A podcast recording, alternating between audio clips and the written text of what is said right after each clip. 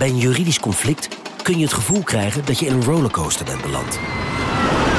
Je wereld staat op zijn kop en je bent de controle even helemaal kwijt. Dan is het fijn als je bent verzekerd bij ARAG. Daar werken topjuristen en advocaten die je begrijpen.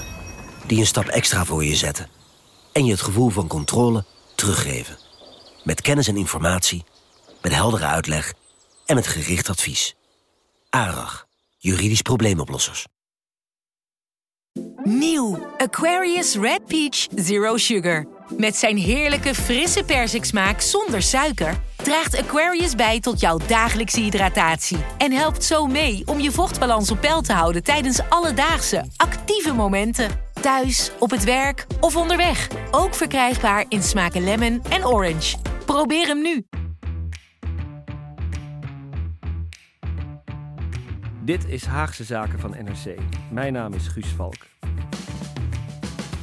De afgelopen maanden waren nieuw voor iedereen. Uh, journalisten, politici, iedereen moest uh, zijn werk of haar werk op een compleet nieuwe manier invullen. Dat had ook voor ons grote consequenties. En daarom, om je terug te nemen naar die eerste weken, um, toen we het eigenlijk allemaal nog een beetje aan het uitvinden waren, uh, daarom tip ik je uh, terwijl Team Haagse Zaken van een welverdiende vakantie uh, geniet. De aflevering Hoe de Tweede Kamer en wij nu werken. Omdat het een goed beeld geeft van de totale chaos in het begin van de coronacrisis. En de leegte die um, uh, hier in Den Haag in het Tweede Kamergebouw ontstond.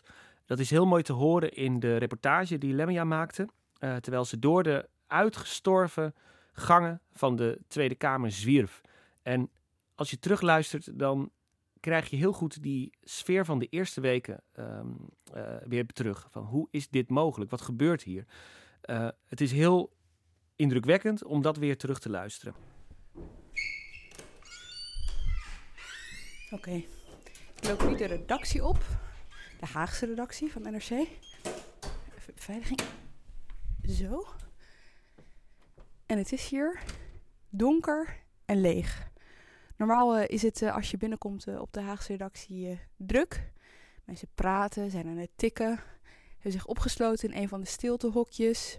Zitten aan de vergadertafel waar we kranten lezen, af en toe lunchen met elkaar. Nu is het gewoon volledig uitgestorven. Hier en daar liggen nog wat achtergelaten stapels papier. Maar er is gewoon helemaal niemand. En ik ga hier ook snel weg. Eigenlijk ben ik hier alleen eventjes om een notitieboekje mee te nemen. En nu ga ik richting de Tweede Kamer.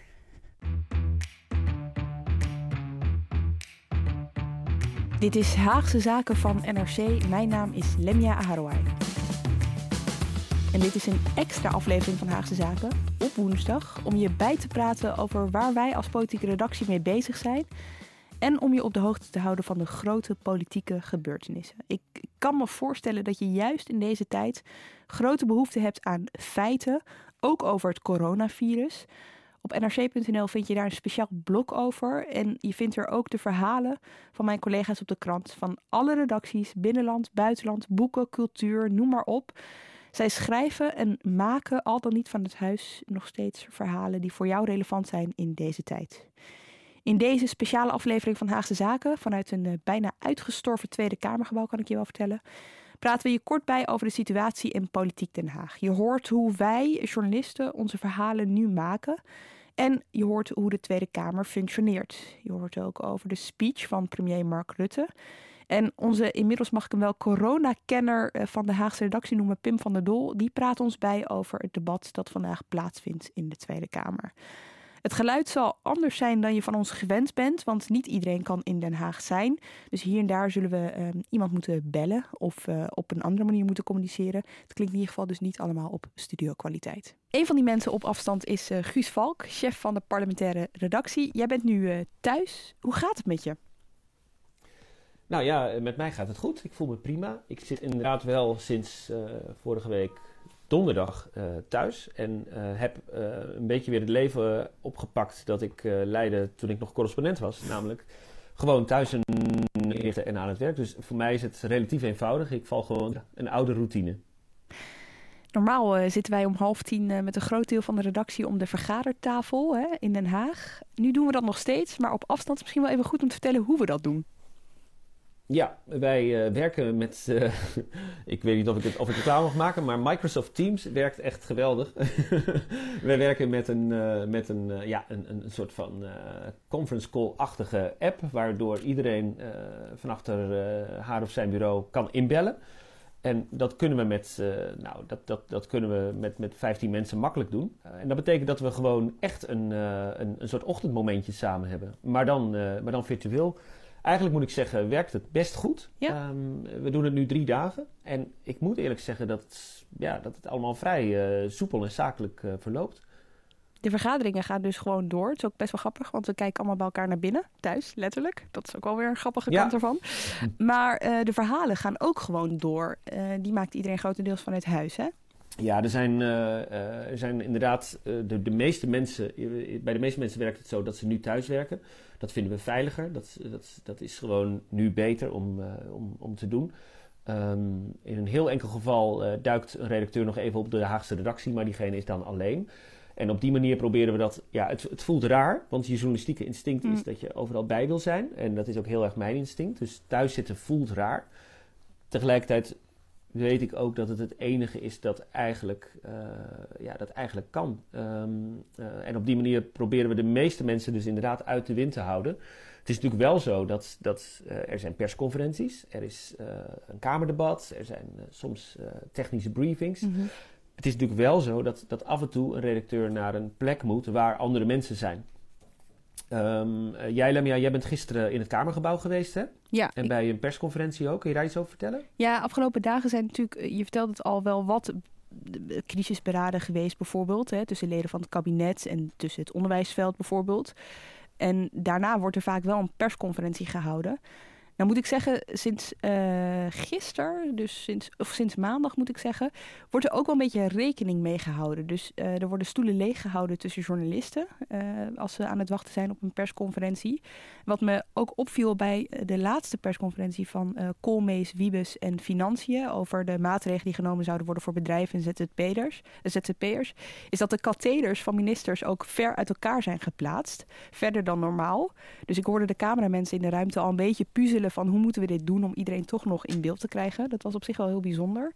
Maar ja, het lukt nog niet altijd. Ik, ik, maandag was er de inloop van een crisisberaad. En uh, Bruno Bruins, minister van Medische Zorg, die prees toen dat alle Nederlanders die maatregelen zo goed uitvoerden. Hè? Ook die sociale afstand die we moeten houden van elkaar.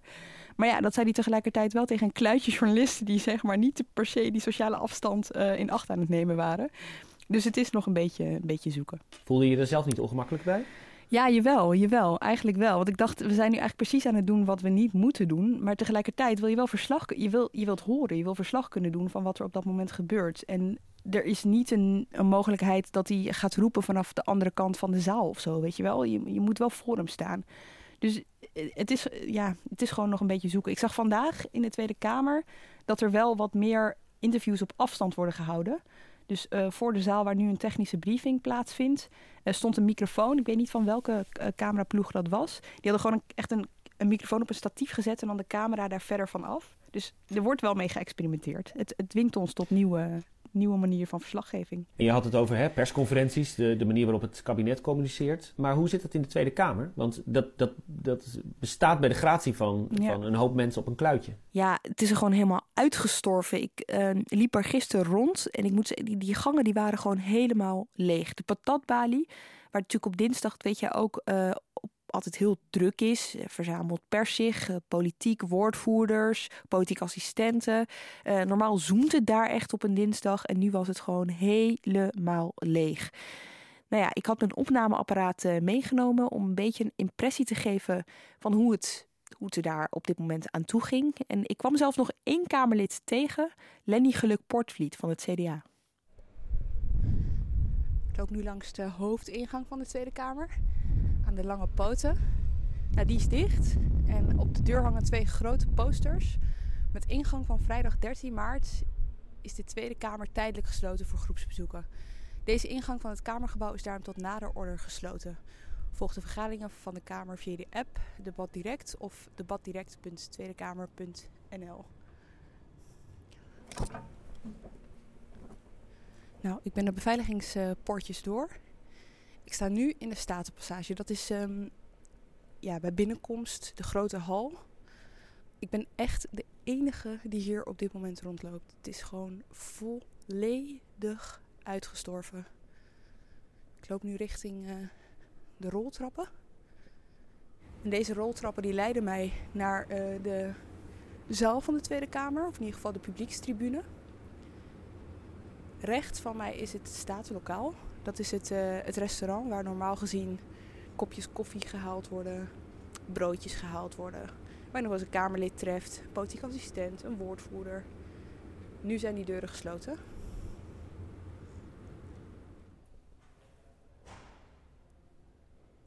Ik loop nu langs een uh, aantal uh, commissiezalen.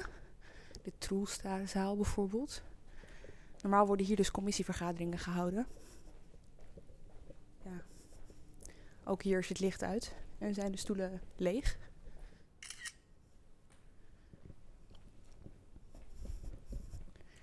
Ik loop nu richting de gangen van D66. Kijken of daar nog iemand te vinden is. Het is helemaal donker. Laat ik daar maar mee beginnen. Het is echt bizar. Een soort spookgebouw wel een beetje.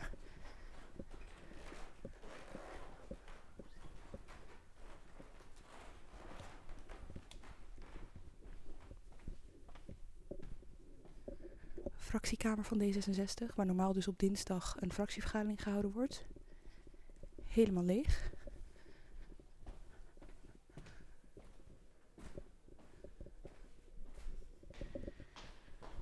Trap af naar de verdieping waar een groot deel van het CDA zit.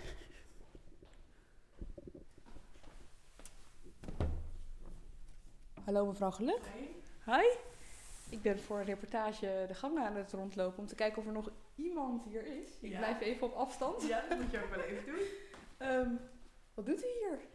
Nou, ik uh, was in de veronderstelling dat ik hier vandaag weer terug zou komen. Dus ik heb mijn iPad hier laten liggen. En uh, nou zouden wij morgen een fractievergadering hebben met, uh, via de iPad. En op mijn eigen iPad thuis deed hij het niet. Dat heb ik gisteren al geprobeerd. Dus die kwam ik nu ophalen. Maar ondertussen wil je ook thuis kunnen werken. Nou, sterkte de komende tijd. Dank. En u ook? Ja, dank u wel. Dag. Dag. Ik loop er weer uit. Ik ben dus echt bijna niemand tegengekomen. Maar deze woensdag is het dus uh, wat drukker. Er moeten namelijk 76 Kamerleden aanwezig zijn om het quorum te behalen. Dat is dus het minimaal aantal leden dat aanwezig moet zijn om te mogen overleggen en te stemmen. Um, er wordt namelijk gedebatteerd over het coronavirus. Maar in de zaal, in de plenaire zaal, mogen maar twee leden per fractie zijn, is de afspraak. En die stemmen ook namens hun hele fractie. Nou ja, je weet hoe dat normaal gaat met stemmingen. Dan zit de hele zaal vol. Dus dat is wel een bijzondere situatie. Kan de Kamer nog het controlerende werk doen dan? Eh, dat is dus het interessante. Ja, maar op afstand. Dus de debatten, er stonden er 18 gepland voor deze week bijvoorbeeld, die gaan allemaal niet meer door. Wat, wat er nu is gebeurd is dat alle commissies van de Kamer, hè, dus uh, je hebt een commissie Binnenlandse Zaken, een commissie Buitenlandse Zaken, die hebben allemaal de opdracht gekregen, inventariseren eens welke um, bijeenkomsten jullie hadden gepland de komende tijd en of die echt door moeten gaan of dat op een andere manier kan. Want uh, het werk kan ook schriftelijk voortgezet worden. Dus dat betekent letterlijk dat ja, dat je schriftelijk een overleg voert eigenlijk. Er komen vragen, die worden beantwoord door het ministerie, die komen weer terug. Dus het zal voor een groot deel ook op die manier gaan. En de fractievoorzitters zijn in nauw overleg met de Kamervoorzitter. Dus uh, de beslissing om de maatregelen aan te scherpen voor de Kamer bijvoorbeeld... Dat is afgelopen zondag bepaald door de fractievoorzitter Khadija Ariep in overleg telefonisch met alle fractievoorzitters. Het interessante is natuurlijk wel dat, dat uh, je had het al even over, er zouden belangrijke debatten komen. Hè? We keken uit naar bijvoorbeeld een groot debat over migratie. Ja. Dat gaat nu dus helemaal niet meer door. Nee, en weet je, dat, dat is dus wel interessant. Normaal zijn er een heleboel onderwerpen die heel dringend lijken. Weet je wel, als je hier op een gemiddelde dinsdag uh, rondloopt, dan lijkt alles belangrijk. En iedereen vindt ook alles belangrijk. En nu blijkt dat, um, ja, dat dingen toch wel blijken te kunnen wachten. Alle ministeries hebben de opdracht gekregen van de Kamer om een lijstje te maken met wat zijn nou de onderwerpen of de wetsvoorstellen die volgens jullie echt niet kunnen wachten. Die Kamerbrief die wordt verwacht, is nog niet gekomen. Maar ja, op dit moment ligt de focus in ieder geval op de, in de Kamer uh, qua debatten echt alleen maar op corona. Maar Guus, ik ben ook wel benieuwd eh, hoe het gaat op de rest van de krant. Want dit is dus hoe wij het doen. Maar jij vergadert ook elke dag met alle andere chefs van de andere redacties. De, de krant valt iedere ochtend nog op de mat, maar wat gebeurt erachter? Het is waar, de krant functioneert gewoon eigenlijk zoals het altijd gaat, maar dan op afstand. Dus er wordt nog steeds uh, vergaderd, er worden nog steeds plannen gemaakt, er worden nog steeds stukken geschreven en uitgezet. Um, je moet je voorstellen, de centrale redactie in Amsterdam is uh, behoorlijk uitgestorven. Daar uh, lopen nog wel mensen rond, vooral mensen die vitale functies uh, hebben. Bijvoorbeeld die, die echt fysiek aanwezig moeten zijn bij het maken van de krant. Dus dan moet je bijvoorbeeld denken aan iemand die de, die, die de krant echt samenstelt, bijvoorbeeld. Of, of een vormgever. Dat soort, dat soort functies. Um, voor de rest is het zo dat iedereen thuis werkt die thuis kan werken. Uh, dat ten eerste. Voor de rest, ja, er wordt natuurlijk nog wel gewoon uh, vergaderd. Dus ik heb zojuist nog ingebeld in een, in een chefsvergadering. En dan zitten er een paar in Amsterdam. Mm -hmm. De rest belt dan in. Dus je leert heel veel over elkaars privéleven. Je ziet heel veel kinderen voorbij dartelen. ik heb al een ruzie over een iPad mee mogen maken. dat zijn ook dingen die gebeuren. Um, maar het, het valt mij op dat, dat het wel degelijk kan, zeg maar. Die kant is uh, voor mij in ieder geval uh, uh, ja, vrij eenvoudig. En hoe zit het met reportages? Want veel verhalen kunnen inderdaad vanuit het bureau, van achter het bureau geschreven worden. En hoe, hoe werkt dat met reportages? Ja, ehm, het is zo dat er nog steeds mensen op reportage gaan. Eh, dat gebeurt wel na een hele langdurige afweging van de veiligheidsrisico's die daarmee eh, gepaard gaan. Het aantal reportages is, echt veel minder. Uh, geworden in de afgelopen week. Ja. Um, en ik, ik, trap zelf ook wel op de rem. Ik merk dat ik mensen niet graag meer ergens naartoe stuur. Maar goed, tegelijkertijd, we zijn een krant. We moeten verslaan wat er nu gebeurt. ik zie ook wel nu het, echt het grote belang van de journalistiek op zulke momenten. Dus, um, dus het is wel altijd een, een soort van afweging die we, die we moeten maken. Gelukkig verschijnen er dus ook nog altijd reportages in de krant. Maar we vragen ons wel veel meer dan normaal af is het echt absoluut noodzakelijk dat wij, uh, dat wij hier uh, uh, dat wij, dat, dat wij dit doen en dat we hierbij aanwezig zijn. Oké, nou, ik ga je verder niet meer van je werk afhouden. We hebben later nog contact. Voor nu, dankjewel, Guus Valk. Iets waar we deze aflevering zeker ook over moeten hebben is uh, de toespraak van premier Mark Rutte afgelopen maandag. In de vorige aflevering van Haagse Zaken hadden we het over Joop den L, die het Nederlandse volk toesprak ten tijde van de oliecrisis. En um, nou ja, een paar dagen later uh, kregen we het bericht dat ook Rutte het volk toe zou spreken. Voor ons de eerste keer dat we dat meekrijgen, zo bewust. Uh, Peter de Koning is aangeschoven in de studio, zeg ik er maar even bij. Wat doe jij hier in Den Haag, Petra? Nou, vandaag is het een plenair debat over het coronavirus en over de gekozen strategie van het kabinet. Ja, en um, jij let daarbij ook wel op Rutte? Ja, zeker vooral op hem. Ja. ja. dat doe je ook voor de kranten. En dus ben ik wel benieuwd, um, die toespraak van afgelopen maandag, wat viel jou daaraan op? Um, nou, het, het, viel me vooral op dat er echt helemaal niks aan het toeval was overgelaten. Weet je, het was een, een live uh, speech. Het was, het was niet van tevoren opgenomen, dus het was heel strak geregisseerd. En dat is ook logisch, want er hangt natuurlijk veel van af voor hem. Als hij een foutje maakt, dan zal dat hem uh, enorm uh, worden nagedragen. Dus weet je, dat, daar let ik vooral op en dat zag ik ook. Weet je, dat je ziet dat, dat het uitvoerig is geoefend, heel vaak. En dat, weet je, dat elke, bijna elke zucht misschien wel en elke, elke beweging. En weet je, dat hij zijn handen strak voor zich hield. Weet je, dat niks moet afleiden van zijn boodschap. Als hij met zijn handen gaat gebaren, wat hij toch best vaak doet. Weet je, dan zit je als kijker oh, ja. daarnaar te kijken. En dat moet niet. Je moet luisteren naar wat hij zegt. Deed hij het uit zijn hoofd? Nee, voor, nee, dat, nee, nee, dat denk ik niet. Ik denk dat er een autocue was. Je zag ook zijn ogen heel erg gericht op, op, op een, de tekst. Ja. Weet je, meestal speech die bij, dit, bij belangrijke dingen speech die uit zijn hoofd. Maar ik denk dat hij geen enkel risico kon nemen nee. hiermee. Nee, dat lijkt, nee. lijkt, me sterk. Want hij had hem voor, zich, voor zich liggen, maar ja. hij keek natuurlijk niet naar beneden. Nee. Hij bleef recht in naar de, de ogen. Uh, kijken, ja, ja, ja. Hey, en um, zijn omgeving, ik bedoel, hij zat natuurlijk in het torentje achter zijn eigen bureau, waar hij altijd werkt. Wat, wat viel je daaraan op?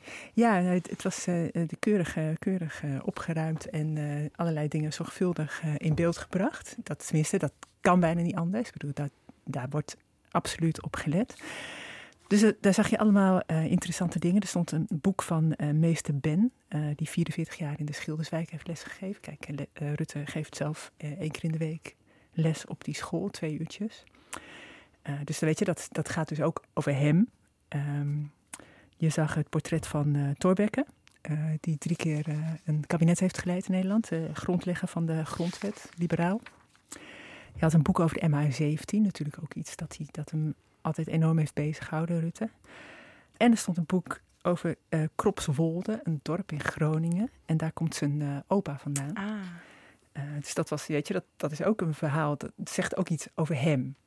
Um, en er, was, er hing ook een portret van Kort van der Linden, die in de Eerste Wereldoorlog kabinet heeft geleid. Oh ja, die was premier in de Eerste Wereldoorlog. En je, had een, en je zag het heel duidelijk een, een CD-box staan van een Amerikaanse pianist, Pressler. Nou ja, weet je, dat is ook. Rutte houdt enorm van klassieke muziek. Dus dat is. Weet je, dit was ook een verhaal. Over Rutte. Verteld, dat werd verteld over hem, ja. Heel grappig. En dan ja, totaal geregisseerd natuurlijk. Want hoe vaak ze dus daar wel niet hebben gestaan om echt met een soort van laserogen te kijken van wat er allemaal ligt en waar. Heel erg vaak natuurlijk. En die speech zelf, uh, die was indringend. Hè? Um, uh, schrijft hij zoiets nou zelf of krijgt hij daar nee, hulp bij? Nee, daar heeft hij speechschrijvers voor. Kun je daar iets meer over vertellen? Hij heeft daar vaste speechschrijvers voor. En weet je, mensen die dat heel lang volgen, die herkennen dan ook wel de hand van die of de hand van die ik weet natuurlijk niet, weet je, wie, wie dit heeft geschreven. Als je daarna vraagt, zeggen ze dat Rutte het zelf gedaan heeft. Ja, dat is natuurlijk niet ja. waar. Ja. Hey, en um, nog even over Rutte zelf. Uh, want je, we hebben jou een hele tijd geleden een keer hier uh, gehad. Toen had je Rutte een, een, jaar gevolgd. Je volgt hem nog steeds regelmatig. Herkende jij hier de Rutte die je normaal gezien ziet? Nou, hij was uh, bloedeenstig en dat kon ook niet anders. Dat, zo hebben we hem natuurlijk ook gezien. Heeft iedereen hem ook gezien in, uh, naar de MH17. Ja. Uh, dus alleen maar ernstig, geen grapjes. En nu was het nog extra belangrijk, omdat hij de week daarvoor nog wat, wat lacherig had gedaan over dat handen schudden. Hè, toen hij een persconferentie had gegeven over dat we geen handen meer moesten schudden met elkaar. En dat aan het eind daarvan had hij toch Jaap van Dissel een hand gegeven. Nou ja, dat, dat was daar werd enorm om gelachen. Had hij wat goed te maken nu? Zo van... Hij kon het zich echt niet veroorloven ja. om, niet, om anders over te komen dan heel serieus. Ja. ja. Is deze rol moeilijk? Nou, ik denk dat... Ik had niet het idee dat het nu heel moeilijk was. Ik herinner me nog wel uit 2015. Um, toen was dus net die... In 2014 had je de MH17. In 2015 was dat jaar dat ik, dat ik steeds uh, hem in de gaten hield voor een lang verhaal. En toen had ik nog wel soms het idee dat hij, als het dan over de MH17 ging, dat hij dan echt zijn best moest doen om heel serieus, weet je, zo, oké, nu gaan we even in die stand. Maar nu, ja, had ik dat helemaal niet, dat dat moeite kostte. Dit was gewoon echt heel, heel stevig voorbereid. Ja, ik vraag me dan af, hij is historicus, hè? Uh, die speech van Den L, dat is hem nog, nou ja, het is nu 2020 en we hebben het er nog steeds over, terwijl dat in 1973 was, 76? 73, ja. 73. Uh, weet je wel, of, hoe bewust hij zich daarvan is. Het is gewoon zo bijzonder dat een premier het volk op deze manier toespreekt. Ja, joh, hij, is, hij is historicus. Dit is natuurlijk uh, vanuit zijn vakgebied gezien uh, geweldig om zelf te kunnen doen. Ja, ja. de komende ja. tijd uh, blijft hij die rol wel spelen. Even, dus even los van die speech, hè, hoe, hoe, hoe, hoe gedraagt hij zich, vind jij, in deze crisis tot nu toe? Dus eigent hij zichzelf een bepaalde rol toe? Geeft hij het uit handen aan Bruins en uh, de andere vakministers die er veel mee bezig zijn? Ah ja, ja weet je, hij, uh, in het begin was het natuurlijk Bruins die dan de persconferenties erover deed. Maar dat ging, ja, en als je het over een paar weken terug hebt, niet zo heel goed. Weet je, die kwam wat, wat uh, stunterig over eigenlijk. dus vrij snel nam hij het over en ging hij er dichtbij staan bij persconferenties. Kwam hij ook naar die persconferenties en ja, hij heeft het, hij heeft het toch wel vrij snel overgenomen. Ja. Dus, ja, uh, en toch is het een soort van remmen en, en, en wel de leiding nemen. Want deze week ben ik bij een paar van die persconferenties geweest en daar zag ik hem niet op het, op het podium verschijnen. Dus achter de schermen ja. zit hij natuurlijk uh, ja. in, dat, in die ministeriële commissie, uh, die crisiscommissie. Maar voor de schermen zie je eigenlijk vooral de vakministers. Maar dan bedoel je die persconferenties over de. Ja, bijvoorbeeld steun, de, de steun aan ondernemers. Ja. Uh, eerder had je al een persconferentie van Bruins en Slop over de maatregelen voor scholen bijvoorbeeld. Dus achter de schermen wisten wij dat hij daar flink bovenop zat. Hè? Want die, commissies, die, die commissie kwam steeds uh, bij elkaar waar hij uh, voorzitter van is. Maar voor de schermen koos hij er niet voor om aan te sluiten. Nee, maar dat zou misschien ook wel een beetje gek zijn geweest. Dat was zo specialistisch. Dat ja. moesten zij natuurlijk doen. Dankjewel, Peter de Koning. Inmiddels aangeschoven, weggetrokken door mij uh, van het, uh, vanuit het Kamerdebat, Pim van den Dol. Um, vanmorgen was jij bij een technische briefing die was eh, eh, georganiseerd door de Kamer om wat vragen te kunnen stellen aan de experts. Hoe werkt dat?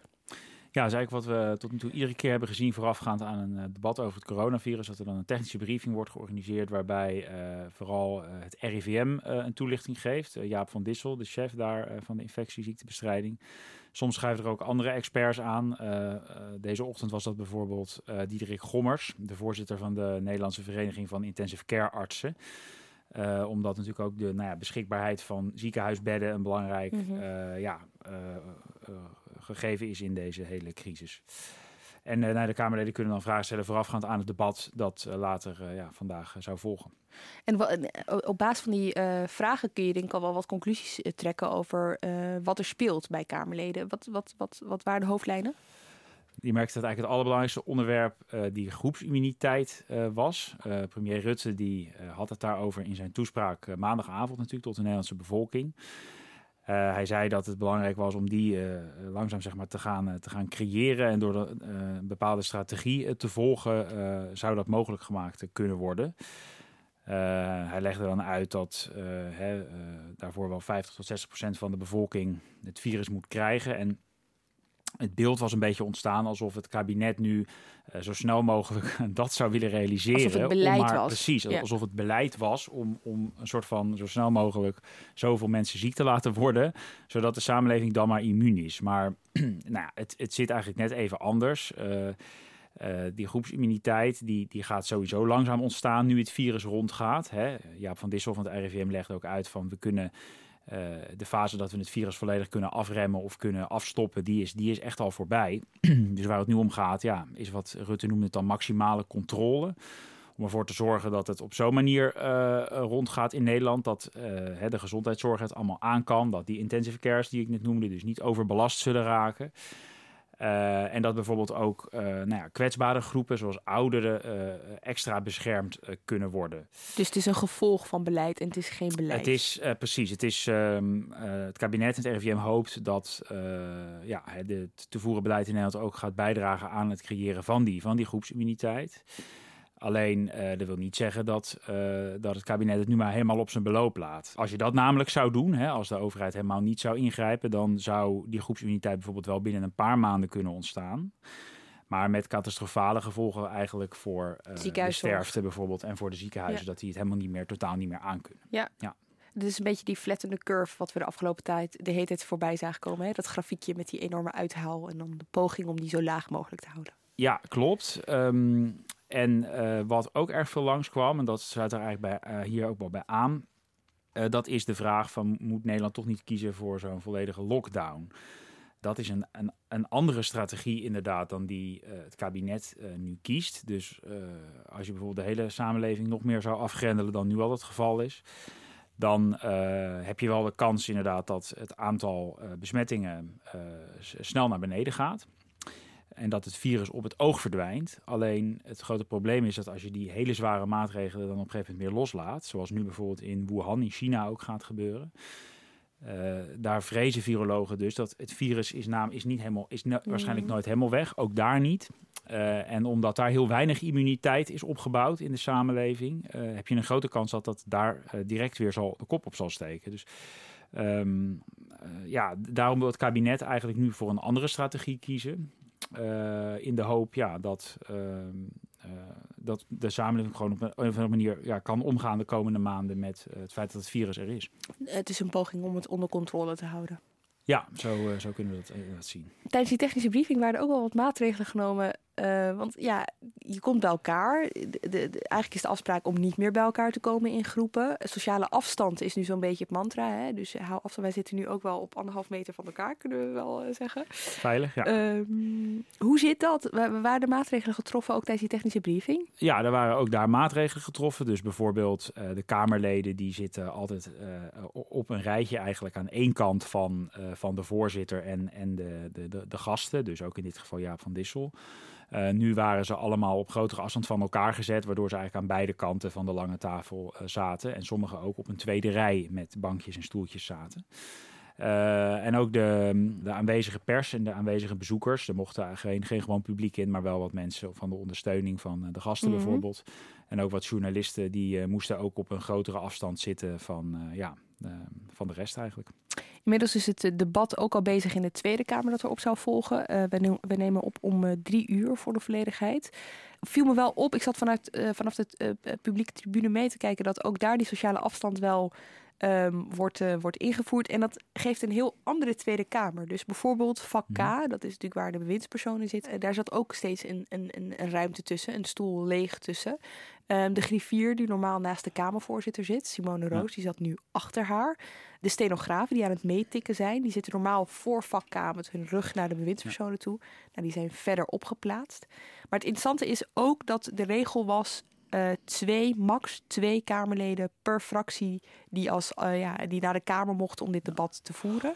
Overigens is het misschien wel leuk om al die maatregelen worden ook hier in het klein natuurlijk nu genomen. Ja, Eh, ik denk dat het eigenlijk, eh dat is vooral ook bedoeld, eh, denk ik, dat de politiek hiermee het goede voorbeeld geeft. precies. Hè, dus om uit te stralen, ook richting de bevolking, van kijk, wij doen het hier nu ook zo, volg ons voorbeeld.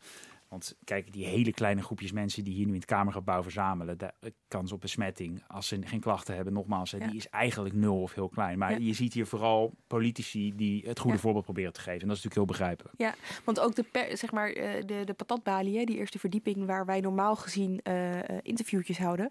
Tussen het moment dat wij Guus vanochtend spraken en nu is daar iets veranderd. Die zijn zwarte linten.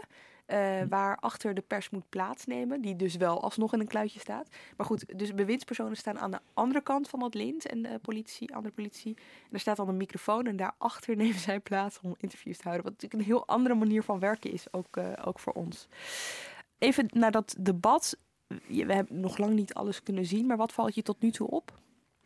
Nou, wat opvalt is dat een aantal eh, oppositiepartijen eh, ook heel erg eh, de kabinetsaanpak juist wil steunen. Eh, eigenlijk zegt van, hè, nou, we, we zien hoe lastig het is om nu de goede keuzes te maken. Eh, dus we willen nou ja, het kabinet ook hierin vertrouwen in eerste instantie. Niet te snel, te hard, te kritisch oordelen. Dat eh, hoorde je bijvoorbeeld bij eh, Jesse Klaver van GroenLinks en bij de Lodewijk Asscher van de PvdA. Die stelt zich eh, zo op.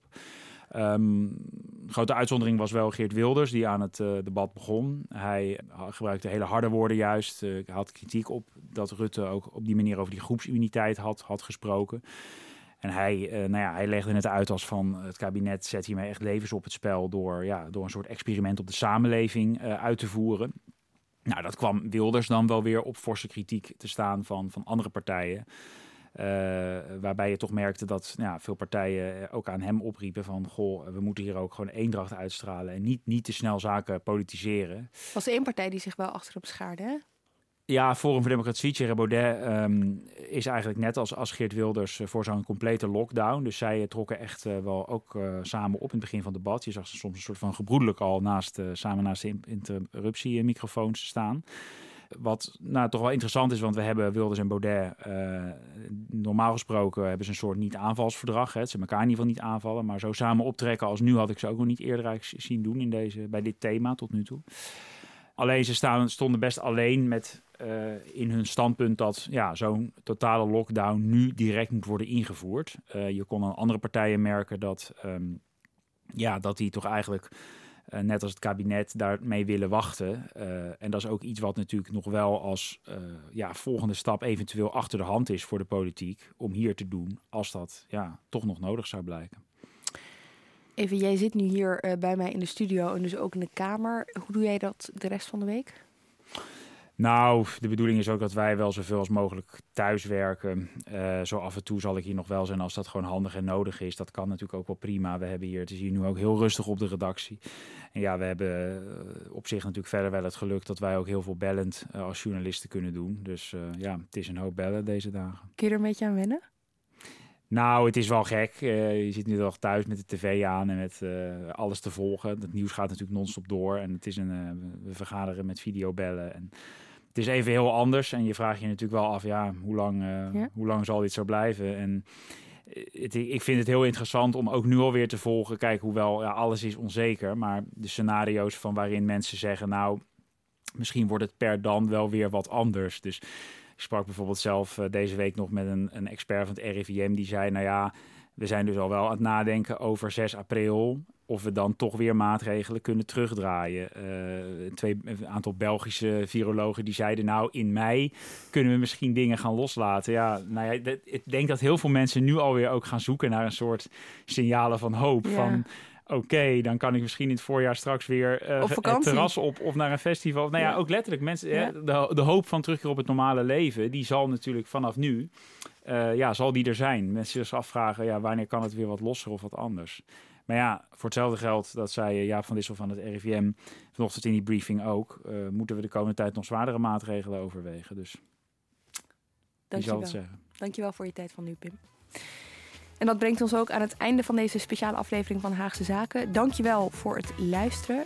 Productie en redactie van deze aflevering waren in handen van Iris Verhulstonk. Zaterdag zijn we er gewoon weer. Abonneer je op Haagse Zaken en dan zie je ons als vanzelf in je feed verschijnen. Dus ook bij extra afleveringen.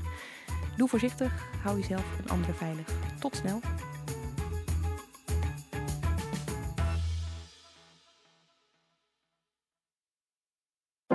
Een maatschappij waarin iedereen meedoet. Een gezonde, groene en rechtvaardige wereld. Daar willen jij en heel veel andere mensen best iets aan bijdragen. In het klein en in het groot. Dicht bij huis en ver weg. Zo hebben we vorig jaar 349 miljoen euro bij elkaar gebracht. Miljoenen waarmee onze goede doelenpartners de wereld elke dag een beetje beter kunnen maken. Nationale Postcode Loterij.